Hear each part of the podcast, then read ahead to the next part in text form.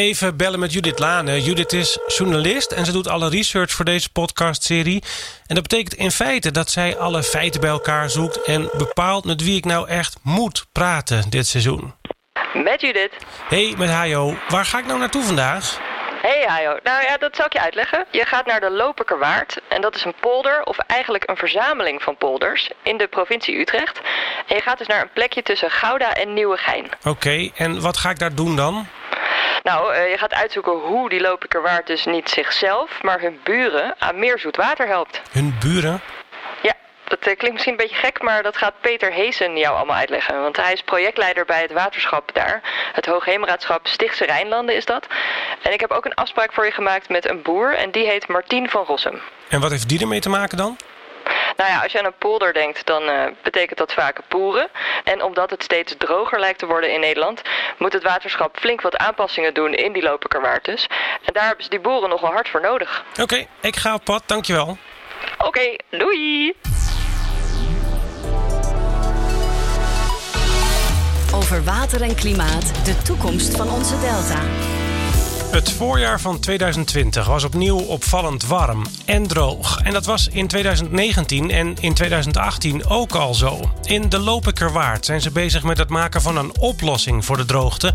Want in de toekomst wordt het vaker droog, is de verwachting. Wat doen we in Nederland om te zorgen dat we droge voeten houden? Hoe zorgen we voor voldoende water in droge tijden? Is Nederland voorbereid op een veranderend klimaat? Daarover praten we in Over Water en Klimaat, de podcast van het Delta-programma. Ik ben Hajo Magree, webredacteur en podcastmaker. En dit is de eerste aflevering van het tweede seizoen van deze podcast. In het eerste seizoen hebben we vooral gekeken naar de laatste stand van zaken rondom klimaatverandering, de wetenschappelijke inzichten en de reactie van de overheid daarop. Strategieën voor als er toch die extreme uh, zeespiegelstijging zou komen. Wat moet je dan doen? Wat zijn dan de opties? We hebben gepraat over hoe hard de zeespiegel stijgt. Ja, dat is het afsmelten van landijs. En dat water komt in de zee terecht. En dat levert dus ook een bijdrage aan die stijging. Over waarom het erop lijkt dat het vaker droog en warm wordt in de toekomst. Dus als we inderdaad hogere temperaturen hebben, dan kan er meer vocht uh, in de lucht blijven hangen. Ja. En dat zorgt dus voor extremere neerslag. Hoe je dat eigenlijk kunt meten en wat het betekent voor het aanpassen van steden en dorpen. Wie heeft nou echt moeite met wat meer groen in zijn omgeving of wat meer water in zijn omgeving? Het wordt er fijner van. En daarna hebben we nog een speciale extra aflevering gemaakt over de gevolgen van het coronavirus voor het Delta-programma. Kunnen we op een duurzame, klimaatbestendige, waterrobuuste manier die toekomst na corona ook uh, tegemoet zien? Dat werd een mooie wandeling langs de Waal. Je kunt alle eerdere afleveringen uiteraard nog steeds terugluisteren in je podcast-app. In dit tweede seizoen gaan we wat minder praten over wetenschap en beleid, maar we gaan wat meer kijken wat er nu daadwerkelijk gebeurt om Nederland aan te passen aan klimaatverandering en te zorgen dat we niet overstromen. We blijven niet aan tafel zitten, maar we gaan naar buiten, naar Polsbroek, naar Tilburg en naar de Leuvenumse bossen bijvoorbeeld. We kijken naar koeien, sluizen, plantjes en slingerende beken. En vanaf nu krijg ik hulp van Judith Lane. Zij doet dus alle research voor deze podcast. En daarom heeft Judith ook het hele Delta-programma gelezen. Alle onderzoeken en plannen om Nederland veilig te houden tegen overstromingen en aan te passen aan klimaatverandering staan dus in dat Nationaal Delta-programma. Ja, en om precies te zijn staat er dus de plannen om Nederland nu en in de toekomst bestand te maken tegen overstromingen en zoetwatertekorten en klimaatbestendig en waterrobuust in te richten. Nou, dat klinkt nog wat abstract, maar daar is dat programma dus voor. Want er moet flink wat gebeuren. Nederland ligt namelijk laag en is dus extra kwetsbaar voor de toenemende klimaatverandering en extremer weer. Het Delta-programma is dus niet alleen iets dat in Den Haag bedacht wordt. Het heet officieel een nationaal programma. Het is dus landelijk beleid en dat betekent dat iedereen ermee te maken heeft en er dus ook over meedenkt. Uh, kortom, het is dus een samenwerking van het Rijk, provincies, gemeenten, maar ook waterschappen, bedrijven, maatschappelijke organisaties en kennisinstellingen, zoals bijvoorbeeld Deltares. Ja, en dat Delta-programma dat verschijnt elk jaar opnieuw, toch? Ja, elk jaar op Prinsjesdag verschijnt er een nieuwe tussenstand met wat er tot nu toe is bereikt en hoe het komend jaar verder moet. En aan de hand van dat Delta-programma heb jij voor mij uitgezocht wat nou de plekken in Nederland zijn om te gaan kijken waar al daadwerkelijk de schop de grond in is gegaan. Of waar het werk bijna gaat beginnen. En voor de eerste aflevering heb je mij naar Polsbroek gestuurd. Ja, mooi. Je hebt mijn mails gelezen. Polsbroek is een dorp in de gemeente Lopik in de provincie Utrecht. En je kent Lopik misschien van de superhoge zendmast die er staat. Die kun je goed zien vanaf de A2. En daar niet zo ver vandaan ligt dus Polsbroek. En dat is een dorp waar iets minder dan 1300 mensen wonen. Uh, ze hebben natuurlijk een dorpshuis en uiteraard ook een kerk. Uh, en dat dorp ligt dus vlakbij de Lange Vliet. Dat is een kanaal en dat is ook precies de grens tussen Utrecht en Zuid-Holland. En in de Lange Vliet zit een stuw. Bij die stuw valt het water een stukje naar beneden. En precies daar heb ik afgesproken met Peter Heesen. We staan hier te kijken naar een combinatie van een brug en een stuw. En eigenlijk is het geen echte brug. Het is een grote betonnen koker waar een weg over ligt. En uh, daarnaast ligt een stuw op twee meter afstand. En die stuw dient om uh, het pijl in het achterliggende gebied hoog genoeg te houden. Ik moet nog uitleggen wat een stuw is. Ja, wat is een stuw? Een stuw, dat is een klep die je in het water kunt leggen. En die kun je omhoog laten komen. Zodat achter die stuw het water wat hoger komt te staan dan voorbij de stuw. En op die manier houden wij de pijlen op niveau in een polder. Peter Heese is projectleider bij het Hoogheemraadschap Stichtse Rijnlanden. Zo'n Hoogheemraadschap beheert het water in een bepaald gebied. Water dat je hier hoort stromen. Het klinkt hier nou niet echt droog. Maar toch moet aan deze stuw iets veranderen. Het is een klein stukje van wat eigenlijk een hele grote puzzel is. En die grote puzzel die heet het Delta-programma Zoetwater. Maar dat komt zo. Het knelpunt is dat de koker onder de brug te smal is. En de stuw is zelf ook te smal. Dus daar gaat eigenlijk maar heel weinig water doorheen. Momenteel gaat daar misschien anderhalf kuub doorheen per seconde. En dat moet uiteindelijk moet dat meer dan 5 kuub worden. Dus dat moet aanzienlijk verbreed worden, zodat er veel meer water doorheen kan stromen. Dus als we hier over een paar jaar staan, dan, dan is het dan waar wij nu staan, vlak daarnaast, daar, daar zouden we dan al in de stuw staan. De watergang wordt hier verbreed. De stuw wordt weggehaald, die komt hier ook niet meer terug. Oké. En er komt een hele nieuwe brug. Een brug die veel breder is dan de koker die we nu hebben. En leuk om te vermelden is dat onder die brug ook nog een faunapassage komt. Een brede richel. Die ook gericht is op uh, otters. Otters uh, schijnen niet graag onder bruggen door te zwemmen. Maar vinden het blijkbaar prettiger om onder een brug door te lopen. En omdat ze hier nu toch gaan verbouwen, helpen ze ook meteen de otter. En de stuw komt wel ergens anders terug. Nou, deze stuw die verwijderen we definitief. Een eind verderop staat een stuw. Die gaan we verplaatsen naar een andere plek. Om zoveel mogelijk die route van de KWA vrij te maken van obstakels, knelpunten die voor benauwing zorgen. De route van de KWA, zegt Peter. Maar wat is dat? Daarvoor moeten we eerst even een stapje uitzoomen. Die stuw waar we naast staan is onderdeel van een groter geheel dat dus de KWA heet. KWA staat voor klimaatbestendige wateraanvoer. En dat is een systeem om in droge tijden extra water vanuit Midden-Nederland aan te voeren naar West-Nederland. En die aanvoer gaat via een stelsel van kanalen en sloten door de polder. Uh, we staan hier in de polder Loperkewaard bij het dorpje Polsbroek. Dat ligt een stukje ten noorden van Schoonhoven. En dat uh, dorp ligt midden in de polder. Centraal op een route die van zuid naar noord door de polder loopt. Die begint bij de Lek bij ons gemaal de koekoek. Ons gemaal is het gemaal van het waterschap. Daar laten we water in. En dan volgt hij een route van 14 kilometer door de hele polder. En aan de andere kant, aan de noordkant, pompen we het weer op naar de gekanaliseerde Hollandse IJssel. En via de Hollandse IJssel stroomt het water dan naar West-Nederland. Maar die KWA, die klimaatbestendige wateraanvoer, is op zich niets nieuws. Die bestaat al sinds de jaren 80. Is in het leven geroepen naar de aanleiding van de droogte in 76. En uh, die kan momenteel 7 kub per seconde vervoeren naar West-Nederland. En als we dat even uit moeten leggen, 7 kub per seconde, wat is dat ongeveer? Goeie vraag. Moet altijd in zwembaden, hè? Nou, moet ik even nadenken. Hoeveel zit er in een zwembad? 10 bij 5, 250 keer 2 diep is 500 uh, kub zit er in een zwembad. Uh, dat is ongeveer een zwembad, een groot zwembad per minuut. Dat is best wel veel. Maar gezien de veranderingen in klimaatomstandigheden en het uh, oplopende gebruik... hebben we meer water nodig. Dus dat moet 15 kub per seconde worden. Met het oplopende gebruik bedoel je het gebruik van water? Het gebruik van water. Het gebruik van water in het westen van Nederland. Onder andere door de sierteelt in Boskoop uh, en door andere bedrijvigheid. Nou staan we hier dus aan een stukje van die route. Als, als ik er als leek naar kijk, dan denk ik... nou, dat is gewoon een vrij brede sloot. Dit lijkt mij vrij kleinschalig. Maar dit is essentieel. Uh, dit is essentieel. Uh, hij is dus ook niet groot genoeg meer. Deze sloot, brede sloot die we hier voor ons zien. Die sloot is ongeveer 5 meter breed. Nou, daar gaan we wel een aantal meters verbreden. En dat hebben we nodig om extra water door deze sloot, brede poldersloot te kunnen voeren. Hoe bepaal je nu eigenlijk hoeveel water er naar zo'n gebied toe moet? Meet je dat dan met de waterstanden? Ja, wij kunnen meten aan waterstanden en ook aan stroomsnelheden. En die combinatie levert ons informatie op over hoeveel water er door een watergang stroomt. Dat doen we aan het begin, dat doen we onderweg en dat doen we aan het einde. Dat geeft ons een goed beeld. Maar we hebben ook rekenmodellen. En die rekenmodellen die gebruiken we ook om te rekenen aan wateraanvoer op plekken waar we niet kunnen of hebben gemeten.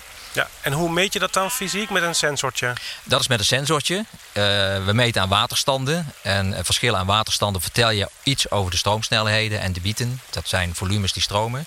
En af en toe gebruiken we een, uh, een meetscheepje, een klein meetbootje. Dat heet een debietboot. En met een debietboot die laat je op en neer varen over een watergang. En met bepaalde geluidsgolven meet hij ook hoe snel het water stroomt. En dan kun je uitrekenen hoeveel water er onder dat bootje doorstroomt. En die hoeveelheid water is dus niet altijd voldoende. Want, even samenvatten, de KWA, de klimaatbestendige wateraanvoer, is dus een stelsel van kanalen dat in tijden van droogte extra water naar West-Nederland kan aanvoeren. Maar omdat het klimaat verandert en het dus mogelijk vaker droog is, moet die KWA steeds meer water kunnen vervoeren. En daarom moet dat stelsel van sloten en kanalen worden uitgebreid.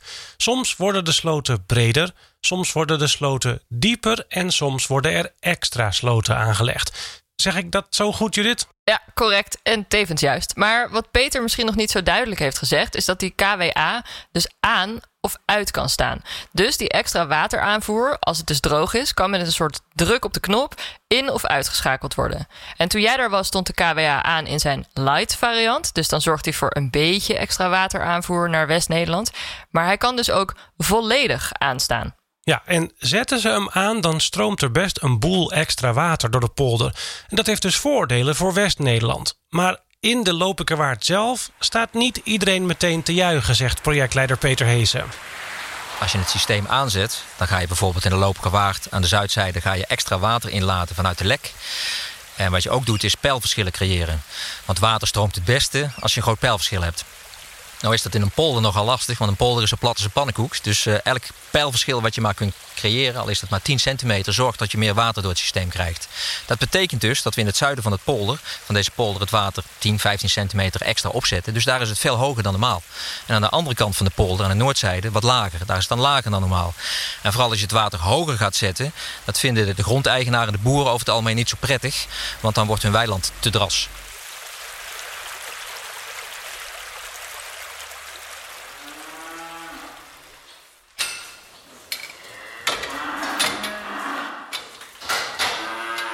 Nou, ik ben hier in dit gebied geboren. Ik vind dit een, uh, ja, een van de mooiste gebieden van Nederland. Uh, maar ja, dat is een beetje chauvinistisch natuurlijk, om dat te zeggen. Dit is Martien van Rossum. Hij is boer in de Lopikerwaard. Of eigenlijk, hij was boer.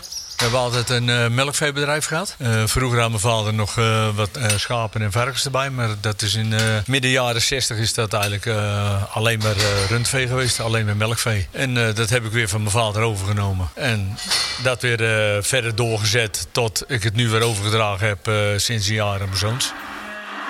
Het bedrijf van Martien van Rossum ligt niet ver van de stuw in Polsbroek. Hemelsbreed zo'n drie kilometer naar het zuiden. In dezelfde polder dus. En we staan hier in welke stal? In de grote lichtboxstal. Waar het uh, oudere jongvee zit. Dat doen we nu, jongveeopfok voor een melkveehouder. Die groot gebouwd heeft en geen plek, plek meer had om uh, het jongvee op te fokken. Dus toen hebben wij de, die jongvee-opfokken-taak op ons genomen. Wat betekent droogte in een gebied als dit voor een boer? Nou, een, uh, het heeft hier minder impact als dat het in Brabant of in, uh, of in de Achterhoek of in uh, Overijssel zal hebben. droogte heeft wel altijd toch wel de consequentie dat je minder productieopbrengst hebt. Want, kan je eens uitleggen hoe dat werkt? Want je hebt hier koeien. Minder, gra minder grasgroei. Dus je minder grasgroei betekent ook minder uh, uh, wintervoorraad uh, op kunnen bouwen voor je vee. Om ze toch weer door de winter heen ja, te helpen, is natuurlijk een groot woord. Maar ook om, om, om een goed rantsoen in de winter aan te bieden. En nou ja, dat betekent dat je dan toch bij de voerleverancier terechtkomt waar, waar je extra krachtvoer uh, zou moeten aankopen om dat uh, rantsoen weer aan te moeten vullen. Uh, dus dat, dat, gras is eigenlijk niet alleen voor die koeien om doorheen te wandelen, maar dat, dat is een grondstof echt voor een, voor een boerenstip. Ja, dat is een grondstof. Dat is de grondstof voor het, de grondstof voor, het, voor de melkveehouderij. Minder gras. Dat voelt een melkveehouder dus meteen in zijn portemonnee. Trouwens, droogte betekent ook hogere temperaturen. En hogere temperaturen is een koe toch minder uh, productief. Want het heeft toch invloed op zijn stofwisseling. En hoeveel liter scheelt dat dan in melk? Ah, dat kan makkelijk uh, anderhalf liter per dag, twee liter per dag schelen. Wat een koe minder opbrengt. Ja. ja. Wat heb je vroeger van de droogte gemerkt? Is het erger geworden de afgelopen jaren? Nou, nee, droogte is droogte. In 59 gaan we een droogte. Dat was ook uh, ja, bijna, maar toen was ik zelf tien jaar. Toen kon je eigenlijk alles nog een beetje compenseren met uh, aankoop vanuit de akkerbouwgebieden. Met uh, bietenblad, zoals we dat noemden. Bietenkoppen met het blad eraan. Als extra ruwvoer kun je dat, om, om die koeien toch nog ja, een goed rantsoen aan te kunnen bieden. Maar droogte blijft droogte. Was het dan geen optie om in zo'n droge periode het land te besproeien? Uh, die optie is altijd aanwezig geweest. Uh, vroeger deden we dat nog wel eens met een meng mengmesttank. En dan water opzuigen. Maar ja, dat is een hele arbeidsintensieve gedoe. En ja, de revenue waren eigenlijk 0,0 bijna een keer wil zeggen. Maar er zit een heleboel water in zo'n tank, toch? Nou, 4000 liter, maar dat zeg op een hectare land helemaal niks. Als je, als je 10.000 vierkante meter hebt, je doet er 4000 liter over. Wat gooi je er dan op? 0,0. Nou, dat is nou verwa verwaarloosbaar. Je had gewoon voor het gevoel dat je iets deed.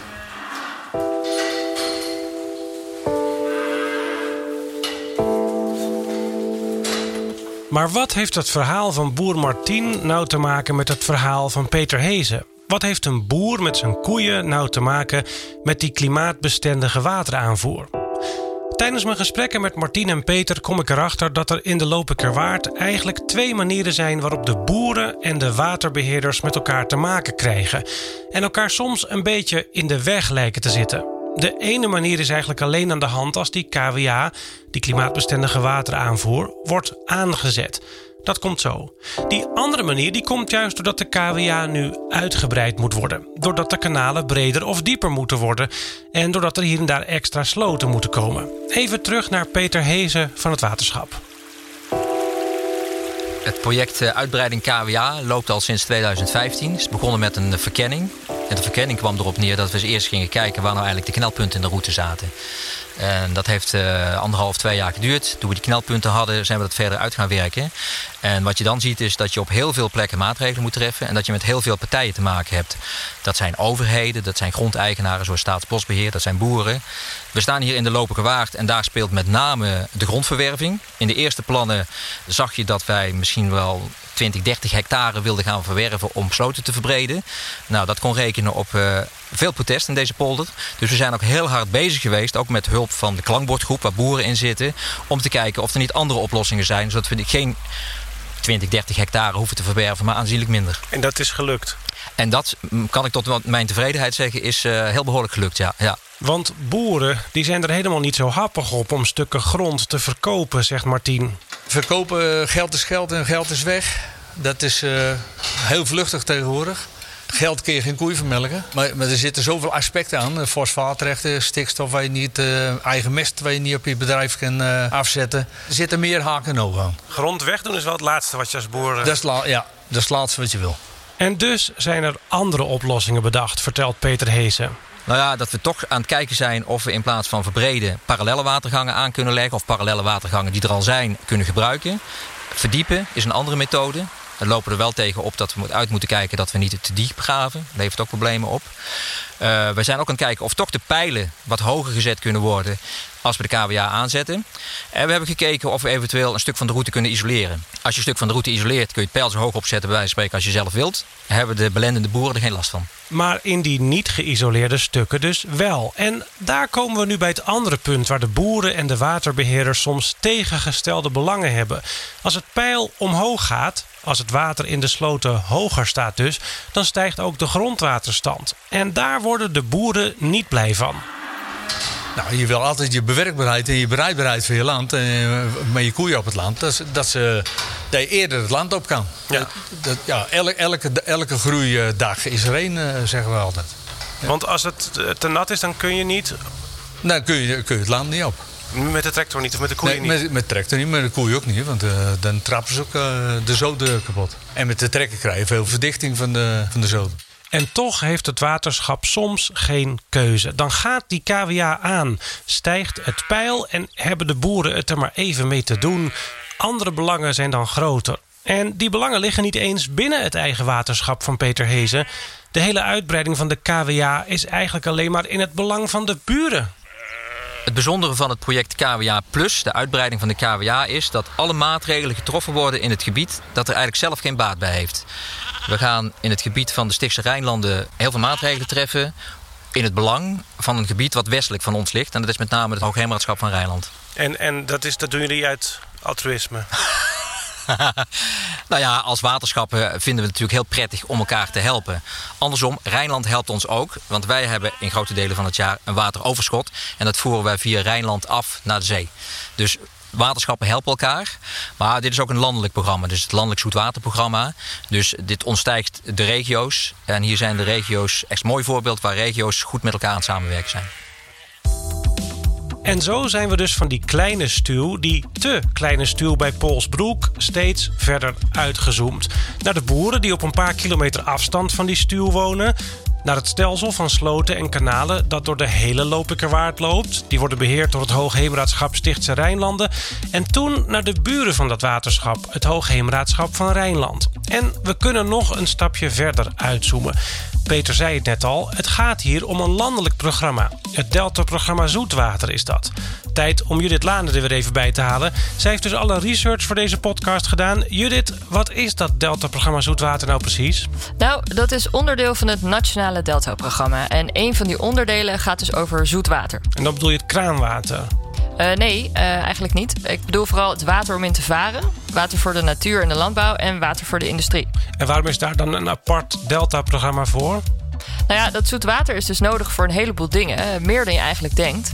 Zoals dus de landbouw. Daar hebben we het in deze aflevering al uitgebreid over gehad. En dan gaat het natuurlijk niet alleen om water voor de melkveehouders, zoals boer Martien en zijn zoons. Maar ook voor de akkerbouw. Die heeft ook water nodig om bijvoorbeeld de planten op de akkers te laten groeien. En er is ook water nodig voor de scheepvaart. Want in droge rivieren kunnen geen schepen varen. En zoet water wordt ook gebruikt door de industrie, vaak als koelwater. En bij het opwekken van elektriciteit. Mhm. Maar er is ook nog wat anders belangrijk. Want zonder voldoende water worden bijvoorbeeld de dijken instabiel, omdat ze dan kunnen uitdrogen. En als het grondwater in de steden te ver zakt, kunnen huizen en kantoren gaan verzakken. En dan heb je ook nog een ander probleem, dat heet verzilting. En dat is het zouter worden van zoetwater. En dat gebeurt als de grondwaterstanden zakken en er minder water in de rivieren zit. Dan dringt de zee verder het land in en wordt de bodem op sommige plekken dus te zout. En dat vindt de natuur niet zo prettig en de landbouw ook niet. En in aflevering 3 ga ik je ook nog naar Zeeland sturen, want daar hebben ze ook heel veel last van verzilting. Oké, maar ik neem aan dat we in Nederland dan voortdurend in de gaten houden of er wel genoeg zoetwater is. Ja, dat, dat doen we. En eigenlijk wordt dat dus continu gemonitord van dag tot dag. En als het nodig is, worden er dus noodmaatregelen genomen. En dan kan dus bijvoorbeeld die KWA aangezet worden. Maar dat Delta-programma Zoetwater, dat gaat eigenlijk niet over de dagelijkse praktijk van het verdelen van het water over Nederland, maar meer over de toekomst. Want de verwachting is dus dat er door klimaatverandering langere droge periodes zullen zijn. Zoals dit jaar, 2020, bijvoorbeeld het derde jaar op rij dat het extreem droog was in de lente en de zomer. We breken het ene na het andere record. En op 1 juni van dit jaar werd het grootste neerslagtekort ooit gemeten. En daarom moet dus bijvoorbeeld zo'n KWA eigenlijk nog meer water kunnen verplaatsen naar West-Nederland.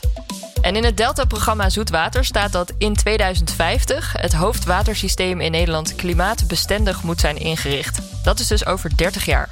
En dan moet Nederland weerbaar zijn tegen watertekorten, staat er. En in de laatste versie van het Delta-programma, dat dus op Prinsjesdag verschijnt, staat dat daar nog wat harder aan getrokken moet worden dan nu al gebeurt. Er staat namelijk: we moeten het proces van de waterbeschikbaarheid intensiveren en versnellen. Maar daar gaat een hoop geld in zitten, denk ik. Nou, best wel. De overheid steekt daar nu 400 miljoen euro in tot eind 2021. En daarmee gaan ze vooral maatregelen betalen om water langer vast te houden en om het water slimmer te verdelen. In de periode daarna, dus tussen 2022 en 2027, gaat er nog eens 800 miljoen naar het Delta-programma Zoetwater. Het grootste deel van dat geld wordt geïnvesteerd door de regionale overheden en de rest, 100 miljoen, komt van het Rijk. Terug naar de KWA, de klimaatbestendige wateraanvoer. De plannen voor de uitbreiding zijn klaar nu, het werk kan gaan beginnen. De uitvoering doet het waterschap niet zelf. Daar worden een paar grote aannemers voor ingehuurd, zegt Peter Hezen. Hier bij Polsbroek uh, zijn momenteel drie aannemers bezig grote aannemers om een offerte te maken. En dan weten we ook uh, wat het gaat kosten om hier het hele systeem aan te passen. En als dan straks alles klaar is, zijn er nog een paar kleine andere voordelen. Zoals bijvoorbeeld die otter waar we het aan het begin al over hadden. Maar we kijken ook altijd om ons heen, naar het gebied, naar de omgeving om ons heen. Of we iets kunnen betekenen voor die omgeving. En dat, uh, dat doen we hier ook. Wij leggen bijvoorbeeld uh, een extra watergang aan, zodat ten tijde van wateroverlast, dat is het tegenovergestelde dus van de functie van de KWA, maar dat ten tijde van wateroverlast in de regio, dat we extra snel water af kunnen voeren. We kijken bij de aanleg ook of we natuurvriendelijke oevers aan kunnen leggen. Uh, wat we ook nog meenemen, maar dat is weer voor onszelf, is een verbetering van een kade, van een kering die langs de watergang ligt. Dus op elke plek voor de KWA waar we bezig zijn, kijken we ook of er kansen zijn voor de omgeving. Het is een groot gebied. Je hebt het wel over een gebied van zo'n 1000 vierkante kilometer waar het systeem ligt. Het is 85 kilometer aan watergangen, riviertjes, kanalen. Je hebt met heel veel partijen te maken. Je raakt ook aan het landelijk belang, want de KWA wordt vergroot omdat er een verziltingsprobleem is in ons hoofdwatersysteem. Uh, dus er zijn heel veel belangen en het is ook nog dynamisch, het is adaptief. Uh, wij moeten iedere keer inspelen op veranderingen. Zoals bijvoorbeeld in 2018, toen is de KWA aangezet, hebben veel gemeten en toen hebben we heel veel geleerd en daarop hebben we het project ook aangepast. Peter Hezen van het Hoogheemraadschap Stichtse Rijnlanden was dat. En daarvoor hoorde je nog melkveehouder Martien van Rossum uit de Lopikerwaard. Deze aflevering ging dus over een van de vele kleine puzzels uit het Delta-programma Zoetwater. Een netwerk van kleine en grote aanpassingen aan de rivieren, kanalen, sluizen en sloten om te zorgen dat we in periodes van grotere droogte toch overal genoeg water hebben nu en in de toekomst. En die plannen die staan niet in steen gebeiteld, die worden ook nog wel eens tussentijds aangepast. En daarover staat ook iets in dat Delta-programma. Ja, eh, Peter die gebruikte het woord net al, adaptief. En adaptief is een soort kernwoord in het Delta-programma. Dat is dus mooie beleidstaal voor aan te passen. En adaptief Delta-management heet dat dan. En hoe slim die wetenschappers ook zijn, eh, we weten natuurlijk nog niet precies hoe sterk het klimaat gaat veranderen. En dus ook niet precies wanneer je genoeg maatregelen neemt. Daarom zorgt het Delta-programma ervoor dat er flexibel ingespeeld kan worden op nieuwe inzichten. En dat maatregelen dus op tijd bijgestuurd kunnen worden als het nodig is. Oké, duidelijk. En daarmee zijn we aan het eind van deze eerste aflevering. Heb je al een plan voor de volgende aflevering? Ja, natuurlijk. Uh, de volgende aflevering gaat over een ander onderdeel van het Delta-programma. Dat heet ruimtelijke adaptatie. Weer zo'n mooie term. En meestal bedoelen ze daarmee het aanpassen van steden en dorpen aan klimaatverandering.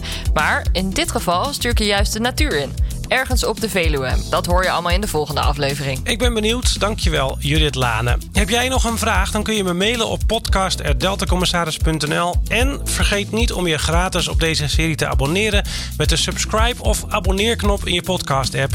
Dan krijg je automatisch een melding als we een nieuwe aflevering publiceren. Mijn naam is Hajo Magree. Bedankt voor het luisteren. Deze podcast werd gemaakt door de staf Delta Commissaris in samenwerking met NAP 1.